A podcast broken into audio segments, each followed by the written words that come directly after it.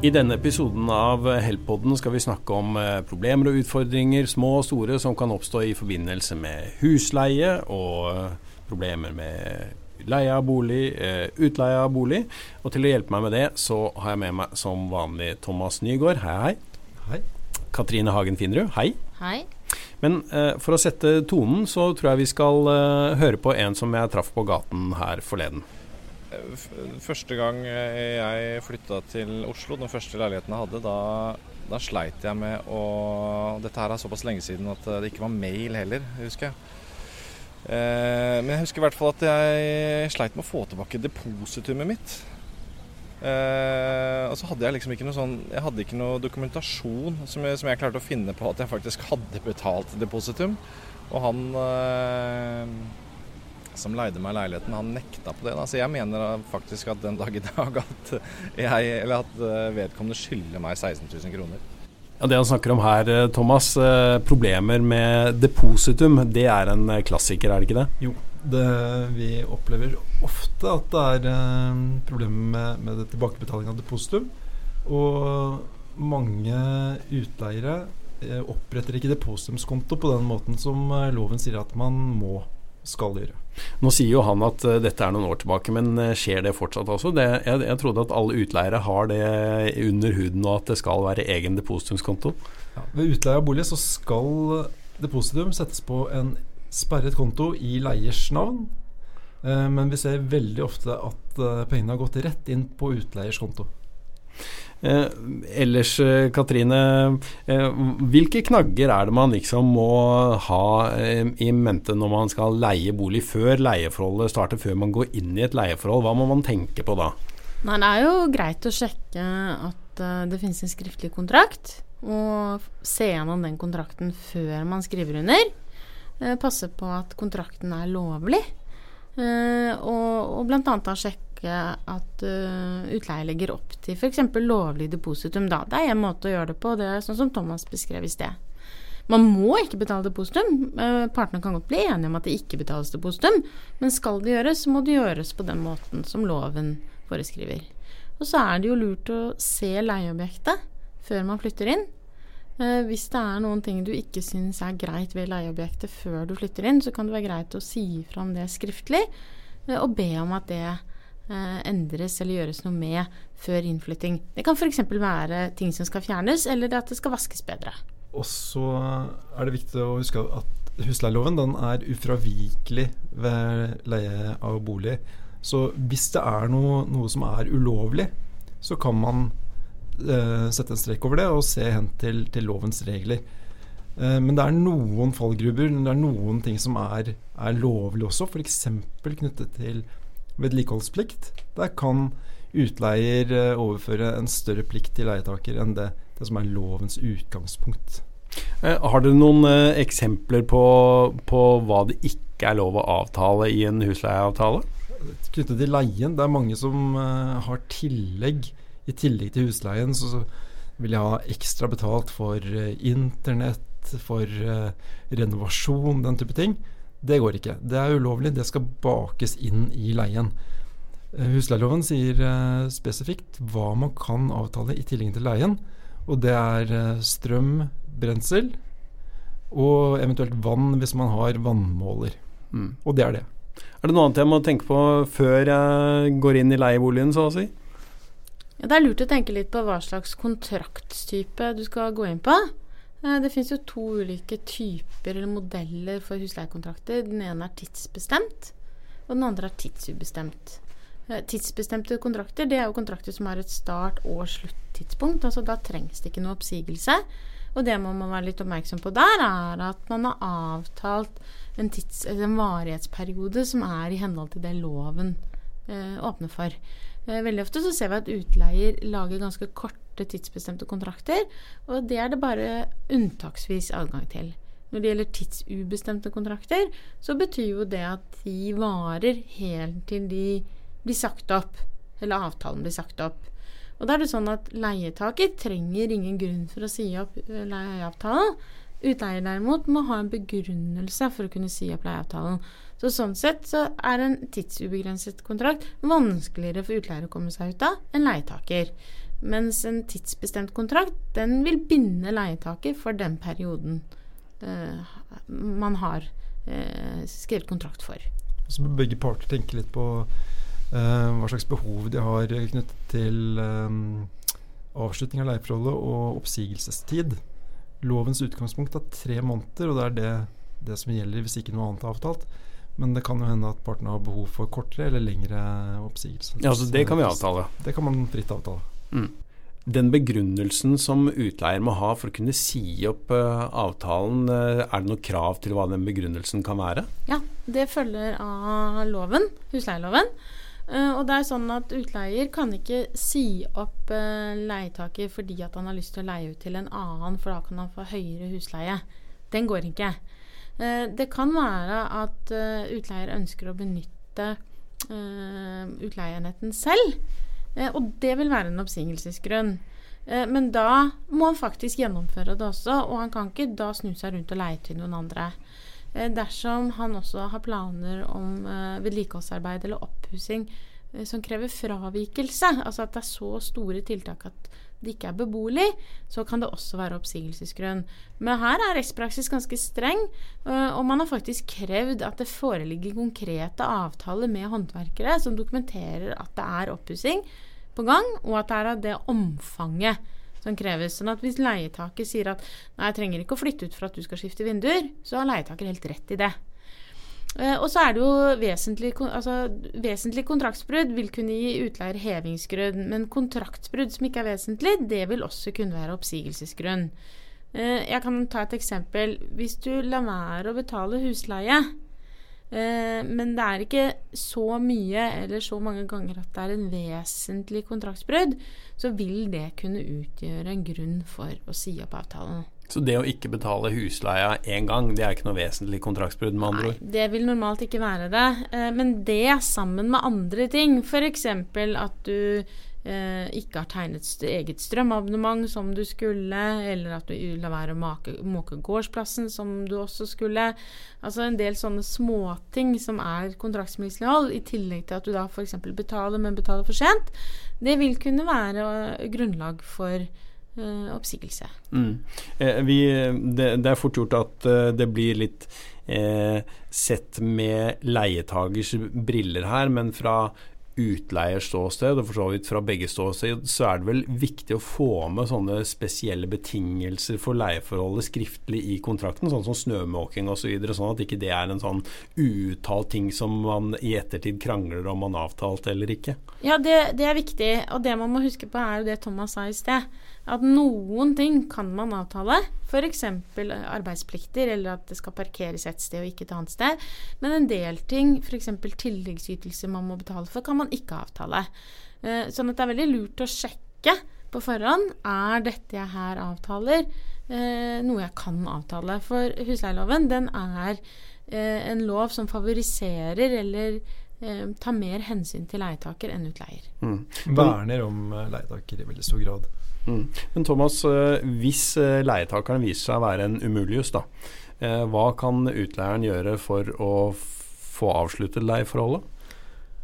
Ja, når det, mm, Katrine snakker om oppsigelse, så er det ikke Det stilles krav om saklig grunn for oppsigelse.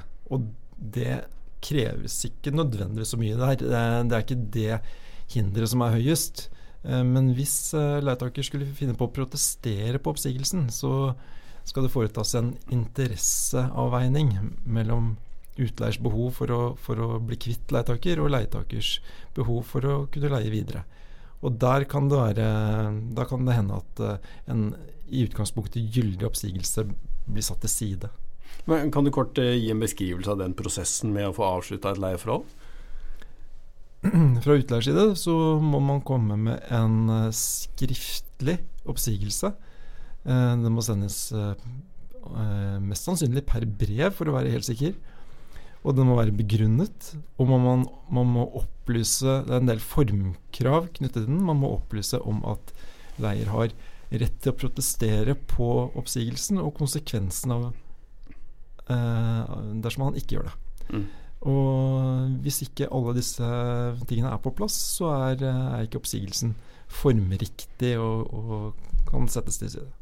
Jeg, jeg traff noen nylig som sa at uh, man kan jo bare la være å åpne disse brevene fra utleieren, men det er kanskje ikke noen veldig smart framgangsmåte?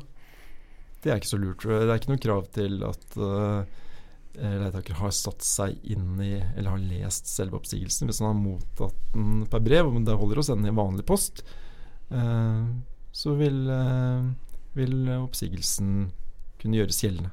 Mm. Um, det var uh, noen uh, tips og råd i forbindelse med oppstart av et leieforhold og litt til. nå tenkte jeg vi skulle konsentrere oss litt om hva som skjer mens man bor et sted. Hør på dette. Jeg husker jeg bodde i en litt sånn Når man leier, leier kåk og sånn når man er i begynnelsen av 20-åra, så er det jo ikke alltid de de hotteste stedene man får tak i som uh, blakk student. Men uh, jeg husker et sted hvor det var ganske shabby, både innvendig og utvendig. Uh, og tok dette opp med utleier flere ganger at hm, skal ikke fikse litt på den dusjen, eller skal ikke begynne å rydde opp i den der haugen som ligger utafor tok opp dette flere ganger, og det liksom ble gjentatt uh, flere ganger at uh, jo, jo, det, det, liksom, det, det, ordner vi til i neste måned. For da, da, har vi satt av tid til å gjøre det. Og det skjedde Altså den utsettelseskommentaren den kom vel hver måned i sikkert par-tre år. Uh, uten at det skjedde noe. Det skjedde, hadde ikke skjedd noe da, da jeg flytta ut heller fire eller fem år seinere. Det høres kanskje ut som han her har vært eh, mindre heldig enn eh, gjennomsnittet uh, i valg av leilighet. Men hvis det skjer noe, Katrine, mens man bor et sted, at man ikke er fornøyd med hvordan det ser ut som han beskrev, eller at det er noe som går i stykker, hva gjør man da? Det viktigste er å si fra. Men, men, jeg tenker at man skal ta et skritt tilbake. For det første er det jo sånn at hvis det ikke ser så bra ut når du er på visning, eller før du leier, så er det ikke noe grunn til å tro at det skal se så veldig mye bedre ut eh, under eh, boperioden heller, med mindre det er rengjøring, da. Eller ting som skal flyttes på som ikke blir flyttet på. Men hvis du flytter inn et gammelt, slitt og shabby objekt, så blir ikke det noe bedre under boperioden, med mindre man har en avtale om at det skal pusses opp. Eh, dersom du derimot flytter inn et sted, og det viser seg at dørene detter av hengslene, eller Eh, ja, det er store altså, Du leier kanskje med hvitevarer som ikke fungerer og sånne ting. Eh, så det første du må gjøre, er jo å si ifra med en gang det skjer, til utleier. Og sørg for å si ifra skriftlig, sånn at du har dokumentasjon på at du har sagt ifra. Men hvis det blir eh, skjolder i vinduskarmen, det kan det jo tenkes at det blir, eller det blir en sprekk i et vindu, eller eh, kokeplatene går i stykker. Hvem er det som har ansvaret for å utbedre alle disse tingene? Hvem som har vedlikeholdsplikten, ehm, der er det avtalefrihet. Men loven har satt opp et utgangspunkt som gjelder hvis ikke noe annet følger av avtalen. Ehm, og skader på selve leieobjektet, det er som regel utleiers eh, ansvar å, å utbedre. Jeg skal bare si én ting, at det er ikke noe ulovlig å leie ut et slitent shabby objekt. Uh, så lenge det er det leier vet at han har leid og gått inn med, med åpne øyne, så er, så er, det helt greit, det. Og som Katrine sier, altså, man kan ikke forvente at det blir eh, pusset opp med mindre man har en klar avtale på det. Um, men uh, underveis, hvis det, hvis det, er noe som blir skadet, så um, på selve leieobjektet så er det som, som regel utleiers plikt, men utleier kan velte en større eh, vedlikeholdsplikt over på, på, leier, og det er viktig å være klar over. Og så er det noen ting som er listet opp som leiers ansvar. Blant annet uh, Blandebatteri på badet? Ja, kraner og uh, elektrisk utstyr hvis det er noe som kan utbedres. Men, men må det skiftes ut, så er det utleiers ansvar igjen. Ja, og et annet eksempel er jo hva hvis vindusruta knuser? Og så blir spørsmålet hvem har vedlikeholdsplikten. Og da vil jo svaret være at hvis det er en nabogutt som har sparket ball, så ballen traff ruta, så er det utleier som må fikse den ruta. For det er sånn tilfeldig skade som ikke leietaker er ansvarlig for. Er det derimot leietaker selv som knuser ruta, enten på fest eller en ball, da er det leietaker som må gjøre det. Eh, eller erstatte det. Mm. Så, så det kan være at forhold som i utgangspunktet ligger hos utleier, må allikevel gjøres av leietaker, hvis leietaker er den som har forvoldt skaden. Her kan det bli vanskelige grensedragninger. F.eks. i, i sokkelleiligheter så ser vi ofte at det er eh, fuktproblematikk, kondensproblemer. Og da er det gjerne samvirkende årsaker. Det kan skyldes at eh, leier eh, har høy fuktighet inne, det bor mange der, har stengt ventiler. Men det kan også skyldes svakheter ved leieobjektet. En sokkelleilighet som er for dårlig isolert, for dårlig ventilert. Uh, og da kan det bli vanskelig å, å, å, vurdere hvem som egentlig er skyld i, i, skader, hvis det blir fukt i vinduskarmer og den type ting. Mm. Ja, um, det, og, og, det vil vel kanskje være altså Noe kan skyldes bruk, men det er jo leietakeren som har uh, sluppet til. altså Hvis det bor flere i leilighetene sine, så må man jo regne med at uh, altså det genererer jo ofte luftfuktighet når det bor flere folk i en le liten leilighet. Ja, Leier må, må, sørge for tilstrekkelig lufting. Eh, på den annen side, hvis eh, utleier har et problem hvis han har leid ut uten å informere om at de må gjøre, forholde seg på en spesiell måte. Mm. Altså Et annet eksempel jo, som jeg hadde, var jo da flisene løsna i dusjen. Hvor utleier, når de hadde flytta ut, sa at dere har ødelagt dusjen. Uh, hvor leiertaker sa at eller, vis, eller som jeg sa, da, at dusjen tålte jo ikke normal bruk. Uh, og det er klart at, det, eh, at dusjen var ødelagt, det var helt klart. Uh, men det ble jo medhold i det, i husleietvistutvalget, at en dusj må kunne brukes som en dusj. Og hvis den ikke kan det, så er det utleiers plikt å gjøre noe med det. Da er det ikke leietaker som har skadet dusjen. Mm. Eh, du nevnte Thomas at uh, utleieren har anledning til å velte et uh, stort vedlikeholdsansvar over på leietakeren, men i så fall må det gjøres skriftlig i kontrakten, det da? Ja, det må det. Og det må man være obs på. Altså Hvis det ser ut som uh, avtalen velter et stor, stort ansvar over på, på leier, så, så, bør man tenke seg godt om før man inngår den leiekontrakten, og se hen til hva loven sier, og hva andre standardkontrakter eh, sier. Dere har begge vært inne på at man kan ikke regne med at det kommer til å se så veldig mye bedre ut uh, etter visningen enn det gjør på visning. Men hvis man står der da og leie, utleier bedyrer at jo, jo, her skal vi gjøre det ene og det andre, uh, så høres jo det veldig positivt ut, og det kan man jo lett tro på. Ja, få det skriftlig. Eller hvis du ikke får det skriftlig, så følg opp etterpå og si Eh, jeg, takk for tilbudet om uh, leiekontrakt. Som du sa på visning, så skulle dere fikse sånn og sånn. Leier på grunnlag av dette. Og ja. Da har jo utleier en klar oppfordring til å reagere hvis han ikke står for det. Og da har du også sagt ja til f.eks. å leie der på gitte premisser. Mm. Uh, og så er det jo sånn som du Altså, i dag er det jo sånn at det er mange som er på jakt etter de samme objektene. Så det er kanskje utleiers marked visse steder. Og da er det jo sånn at hvis du setter for mye krav og stiller for mye betingelser, så er det kanskje ikke den, du den som får tilbud om å leie. Men da er det kanskje ikke der du skal leie heller. Thomas, du var inne på fuktproblematikk. Jeg tror vi skal høre et uh, eksempel på hva konsekvensen av det kan være nå. Jeg bodde i en, uh, en liksom kjeller. En veldig mørk kjeller. Kul kjeller. Men mens jeg bodde der, jeg bodde der vel et par år, så underveis så begynte jeg å slite med jeg, jeg, jeg fikk mye eksem og, og pusta litt dårlig og sånn. Og så gikk jeg til legen, og de sa at det kunne være snakk om noe sopp som hadde, hadde angrepet meg. Og, eh, men det, det, de fleste var enige om, var at det var den mystiske hudsykdommen candida som legene i dag eh, da eh, ikke anerkjenner, tror jeg, faktisk, som sykdom. Uansett, da. Eh, jeg fortalte denne historien da til mine utleiere. Jeg gjorde den kanskje litt kortere.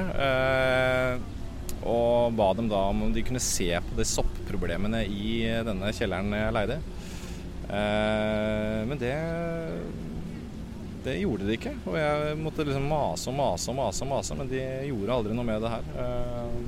Og jeg, jeg veit ikke om jeg har, har, Candida den dag i dag, men uh, det kan hende at disse utleierne skaffa meg en livsvarig kronisk eh, sykdom. Hvem veit? Ja, hvem vet. Litt av problemet her eh, høres ut til å være at det er vanskelig å eh, egentlig finne ut av hva som kan være årsaken til den uh, eventuelle soppproblematikken som hadde gått utover helsa til han vi hørte her. Hvordan skal man gå fram hvis man har mistanke om at det er dårlig klima der man bor da, Thomas? Man bør ta det opp med utleier, selvfølgelig. Men nå er det jo ofte sånn at det er ikke noe quick fix på, på det problemet. Uh, og hvis man uh, har mistanke om at dette er noe som kan gå utover helsen, så vil jeg absolutt råde de til å prøve å finne et annet sted å bo så fort som mulig. Uh, og bruke dette som, som en mulig brekkstang for å komme ut tidligere enn det oppsigelsestiden tilsier også. Mm.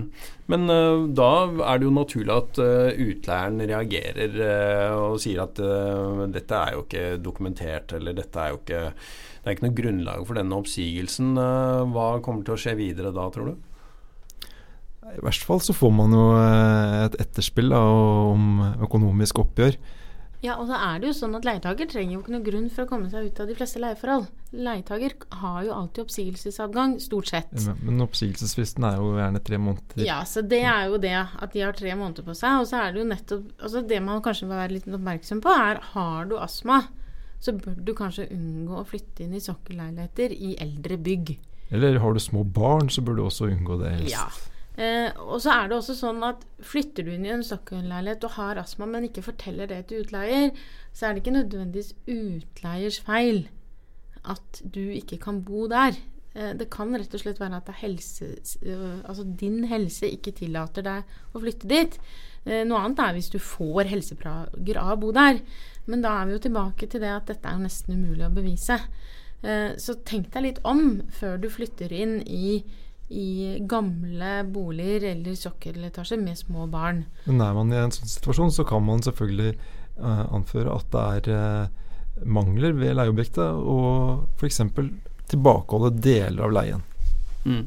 Men dere nevnte innledningsvis at det finnes to typer leieavtaler, tidsbestemte og tidsubestemte. Hvis jeg har inngått en tidsbestemt uh, avtale da, på et år, og så merker jeg at jeg blir dårlig av å bo her etter uh, tre måneder, uh, hva gjør jeg da?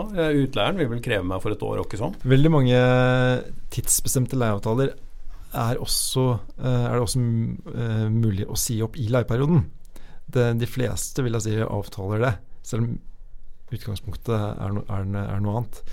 Uh, men hvis du har inngått en tidsbestemt avtale hvor det er angitt i leieavtalen at den ikke kan sies opp i leieperioden, så må man uh, vurdere om, om, man likevel har hevingsgrunnlag. Da skal det være et vesentlig mislighold fra utleiers side. Men i dette tilfellet vi hørte her, hvor det er uh, påstander om at det er tung eh, hva skal vi si, fuktproblematikk i boligen, da må man vel som leietaker eh, ta noen prøver da, og prøve å dokumentere det? Det kan man gjøre. Man kan øh, selvfølgelig snakke med legen sin, men det, det beste er antageligvis å eh, ta noen soppprøver eller lignende. Ja, og det som er utfordringen om å snakke med legen, er jo at legen vil jo kunne si noe om din helsetilstand, men ikke nødvendigvis si noe om årsaken til helsetilstanden. Sånn at du bør i hvert fall kontakte en takstmann eller en som kan inneklima, eh, og få påvist f.eks. om det er tilstrekkelig med lufting der du bor. Eh, men så er det jo også det at hvis du driver med da utstrakt tørking av tøy i leieobjektet på steder hvor det ikke er ventilasjon, så kan det være at det dårlige inneklimaet skyldes bruken og ikke boligen. Ja. Jeg tror du nevnte i starten Thomas, at det er noen ting man kan uh, ta seg betalt for i tillegg til husleien. Uh, og en av de tingene man kan ta ekstra betalt for, er uh, strøm. men også der kan det bli uenighet i ettertid. Nei, det var Jeg hadde leid meg et uh, kontor eh, sammen med noen andre.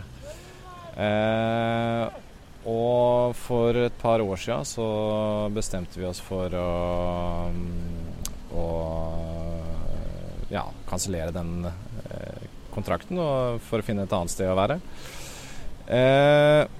og da viste det seg, idet vi gjorde det, så fikk vi en mail om at hm, dere har faktisk ikke betalt uh, strøm, dere, der hvor dere er nå. Eller uh, i, i, lokalet dere har leid av oss. Eh, men så finner vi ikke i, Så går vi tilbake i, i papirene og prøver å leite eh, om det står svart på hvitt noe sted om at, eh, om at, den skulle komme i tillegg. Men det sto liksom at, eh, i kontrakten at strømmen var eh, i, i, prisen. da. Eh, og så jeg følte vel egentlig at vi hadde vårt uh, på det reine der, men uh, dette her er på en måte noe som skjer nå, egentlig. Men nå, de, nå begynner de å true med rettssak og sånn, fordi de mener at vi skal betale eh, oppsamla strøm for tre eller fire år eller et eller annet sånt. Nå hørte vi jo at dette gjaldt et kontor, men det kunne nok eh, i og for seg like gjerne vært en eh, leilighet. Thomas. Hvor vanlig er det at man ikke har snakket om strømutgiftene i forkant av leieforholdet? Det er et veldig sentralt, sentralt punkt, så jeg vil jo nesten tro at uh, det er angitt i leiekontrakten om strøm ligger inne i leien eller om det kommer i tillegg. Eh, men gitt at det er sånn som han sier, at eh, det står ikke noe eh, om at leier må tegne eget strømabonnement, eller at strøm kommer i tillegg, så er, er jo utgangspunktet at man forholder seg kun til, til den leien som er avtalt. Mm. Så hvis det er sånn da, at det ikke står noe i kontrakten om strøm, så kan man som leietager forutsette at dette er innbakt i husleien? Ja, det kan man. Det må avtales særskilt at det, at det skal komme i tillegg. Um, en annen ting han tok opp, uh, hvis han får et uh, høyt krav Hvis det viser seg at uh, han skal betale strøm i tillegg, og får et høyt krav om etterbetaling, så kan han i hvert fall avvise krav som er eldre enn tre år. For det er alminnelig foreldelsesfrist på dette her. Mm. Og den er tre år. Og det ser vi av og til, faktisk. At det er kontrakter som avtaler at det skal betales særskilt for strøm. Og så somler utleier med å sende over regning for strøm, og så får de en kjemperegning. Eh, og så ringer de og så sier de 'må jeg betale alt dette'? Og da er jo svaret sånn som Thomas sier, at ja, de siste tre årene med strøm, hvis det kan dokumenteres at det er det du skal betale, eh, det må du betale. Men da er det jo naturlig å kanskje spørre om man kan avtale nedbetalingsplan. For det er jo ganske stor belastning å få alt på en gang. Mm. Men mens vi er inne på betaling, eh, anledningen til å skru opp husleia underveis i leieforholdet, hvordan er det? For det er det jo også en del saker om. Ja, Det er marginalt adgang til å endre på husleia under husleieperioden. Eh, det er nemlig sånn at eh, veldig mange tenker at eh, nå, eh, nå, kunne jeg egentlig tatt litt mer, fordi nå er det bedre tider, om, og utleiemarkedet er hot. Eh, og hvis du da har et løpende husleieforhold, så er det to ting du kan gjøre. Du kan eh, regulere etter eh, konsumprisindeksen. Så det blir jo da en, en beskjeden endring av kronekursen, eller kroneverdien. leien i forhold til kroneverdien. Det kan du gjøre eh, hvert år. Eh, og så er det jo sånn at du kan også regulere leien i henhold til gjengs leie, som det heter. Men gjengs leie, det er ikke markedsleie.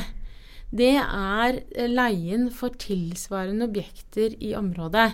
Og, Det betyr at man ikke bare ser på de som ligger ute for leie, men også de som er utleid. Sånn at gjengs leie det vil kunne være eh, Utviklingen i gjengs leie går mye tregere enn markedsleien. Og det kan du først gjøre etter tre år. Så i veldig mange tilfeller så vil ikke det komme på spissen i det hele tatt.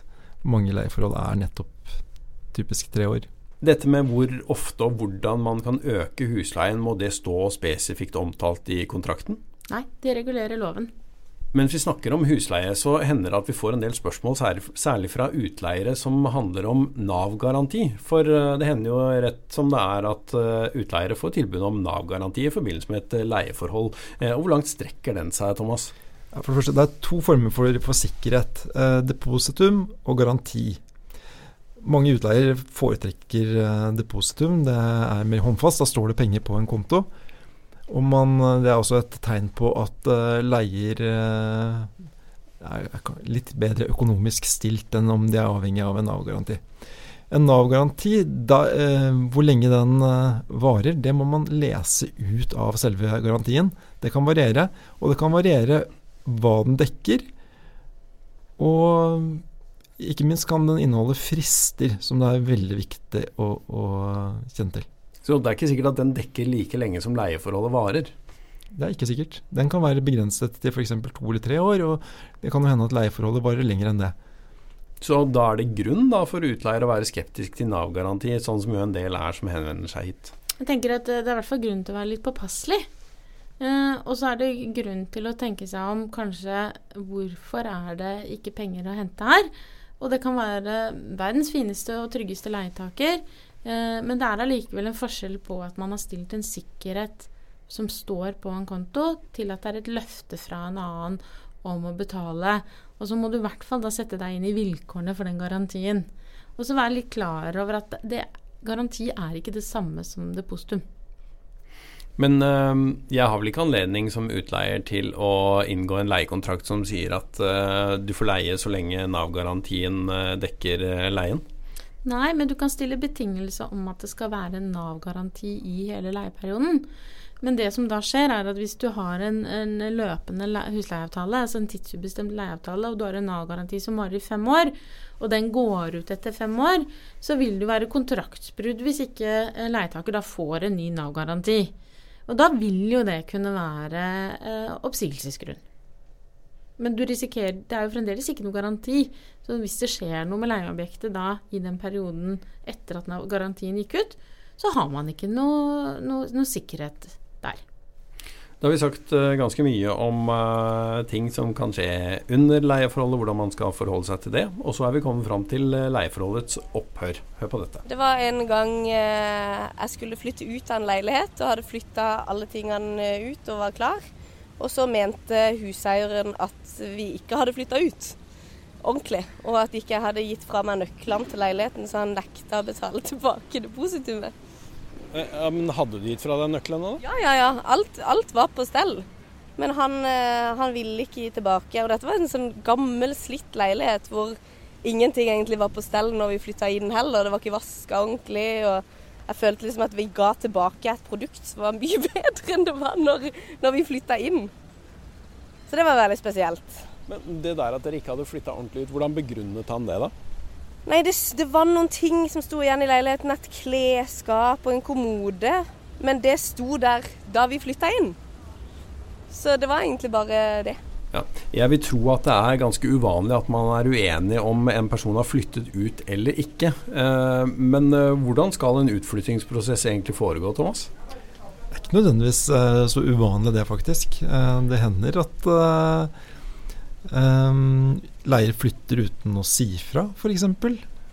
Uh, og da stilles jo utleier i et dilemma. Uh, har han rett til å overta rådigheten, disposisjonsretten over leieobjektet, eller uh, må han kontakte leier og få det avklart om han egentlig har flyttet og tilbake, tilbakelevert?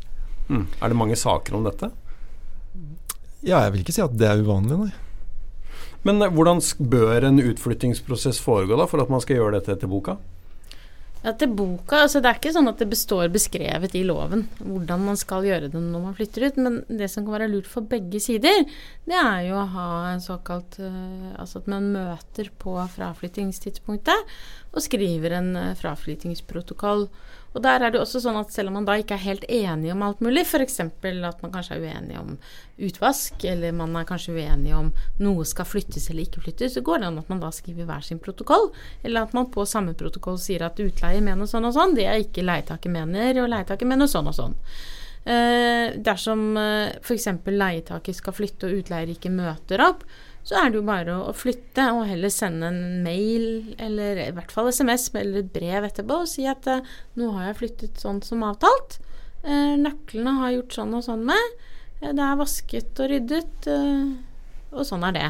Og da er det jo en klar oppfordring til utleier å reagere hvis han ikke er enig i det. Og minne om at depositumet vil jeg ha tilbake.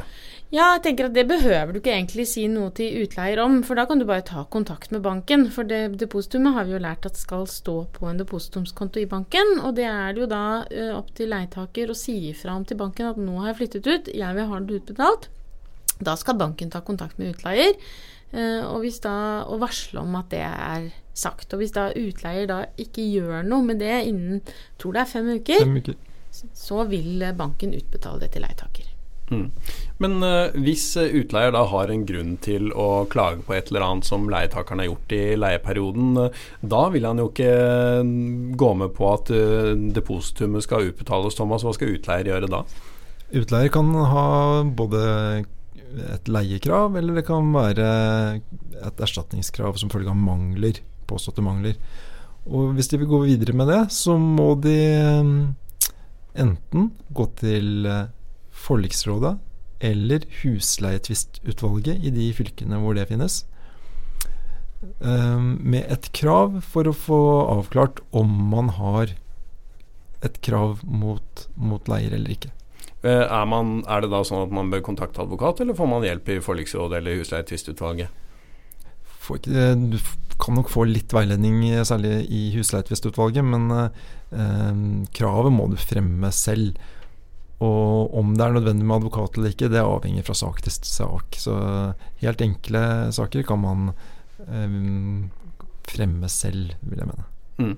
I det eksempelet vi akkurat hørte, så var det uenighet om eh, man hadde flyttet ut eller ikke. Og da sa hun vi hørte at eh, Men det han eh, hevdet at vi ikke hadde flyttet, det sto der da vi flyttet inn. Betyr det at jeg er nødt til å gjerne bildedokumentere hvordan alt ser ut idet jeg flytter inn, sånn at man kan gå tilbake og vise at nei, sånn så det ut da jeg startet dette leieforholdet? Ja, det er et godt råd uh, for begge parter at man tar uh, et skikkelig overblikk over leieobjektet uh, og dokumenterer hvordan det ser ut ved innflytting. Det er begge to tjent med. hvis man ikke har gjort det, så vil jo ofte bilder fra annonsen kunne være til hjelp. Og hvis man ikke gjør det sammen med utleier, så tenker jeg at leietaker bør ta fram telefonen sin og ta bilder som da man får en dato på når det er tatt, og ha i på telefonen.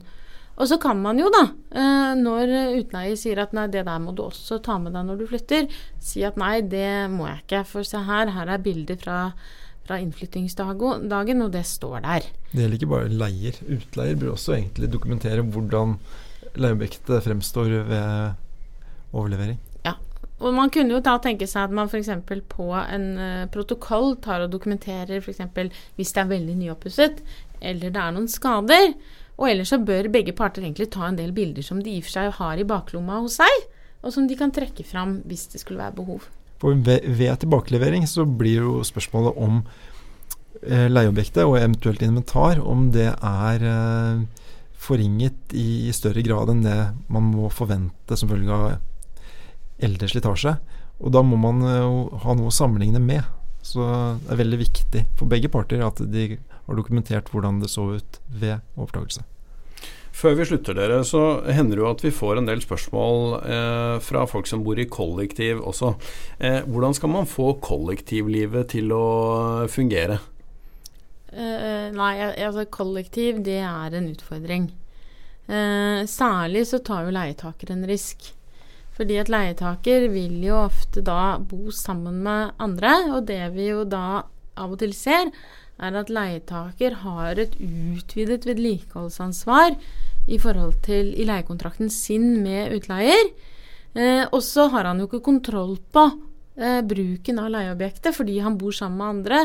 Sånn at han kan ha påtatt seg et utvidet vedlikeholdsansvar hvor det er de tre andre han bor sammen med, som kanskje skaper eh, vedlikeholdsbehovet. Ja, man må, enten så leier man sammen med andre, at det er flere leietakere som står sammen som leietakere, og er solidarisk ansvarliggjørende for eh, forpliktelsene. Både leie og, og mangler. Eh, alternativt så leier man én og én, har separate leiekontrakter. Og hva man avtaler der, det kan ha ganske stor betydning. Det høres ut som det siste er å foretrekke, da. Ja, det kommer an på hvem du er. Eh, hvis jeg var utleier, så ville jeg hatt en kollektiv avtale med alle eh, alle leietakerne. For da kunne jeg krevet alle sammen for hele leia. Men hvis jeg var leietaker, så ville jeg nok kanskje hatt en eh, avtale med leie, utleier alene. Men eh, bofellesskap kollektiv, der er det ofte stor gjennomtrekk. Man bytter, skifter ut noen av leietakerne. Så hvis utleier skal velge en samlet uh, leieavtale, så er det viktig at man også følger opp og oppdaterer den hver mm. gang det skjer et leieskifte, og påstår at leierne eh, sier fra hver gang det skal Ja. noen inn eller ut. Og så har du andre problemer knyttet til eh, deloppsigelse. At en av leietakerne vil si opp, de andre vil bli boende. Eh, utgangspunktet er nok at det har man anledning til. Men hvis de har leid dette her sammen og er solidarisk ansvarlige, så vil jo de andre være ansvarlige for at hele leien kommer inn. Selv om de ikke skulle få en ny leietaker inn. Mm. Det høres ikke ut som om dette er Om det finnes standardkontrakter for denne type leieforhold. Nei, det gjør det nok ikke. Og jeg tenker at eh, der skal du vite hvem Jeg tenker at er du Leier du i et kollektiv, så bør du eh, kjenne godt de du leier sammen med. Og så er det mange som eh, fremleier også i den type ting. Så får man ytterligere en problematikk i det. Det er ofte rotete og litt uoversiktlige leieforhold.